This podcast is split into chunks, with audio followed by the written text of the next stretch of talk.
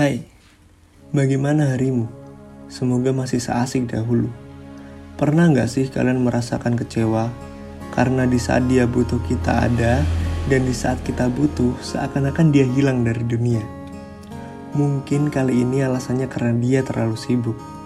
Sibuk deadline tugas, sibuk dengan teman-temannya, atau bahkan sibuk dengan sesosok manusia baru di hidupnya. Sampai-sampai dia lupa bahwa kita masih hidup dan berada di dunia yang sama.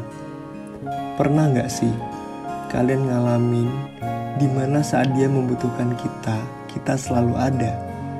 Di saat dia sakit, kita selalu ingin memastikan bahwa dia baik-baik saja, tapi balasannya kita malah sebaliknya.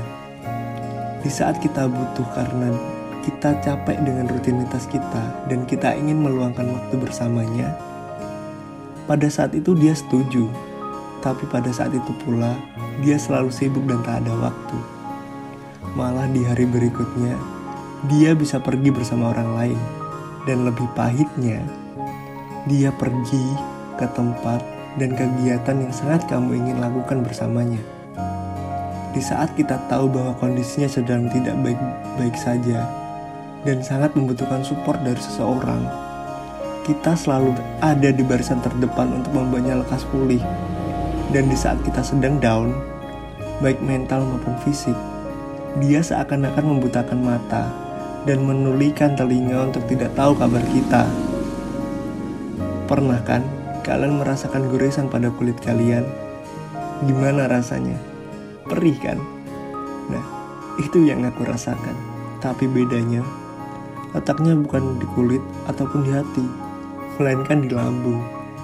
Ditambah lagi, ada benjolan di leher yang membuat rasa sakitnya bertambah dan tak terbendung. Di mana kamu?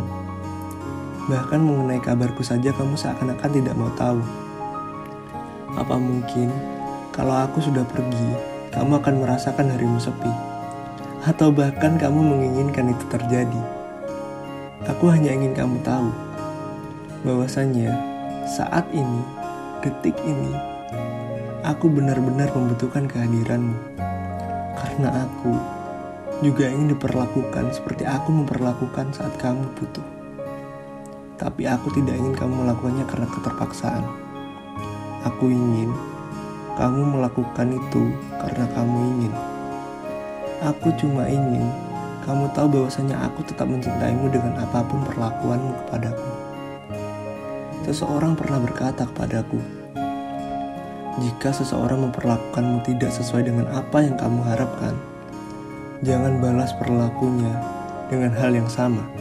Tapi, berikanlah dia contoh bagaimana berperilaku yang ada di benakmu, yang menurutmu itu semestinya.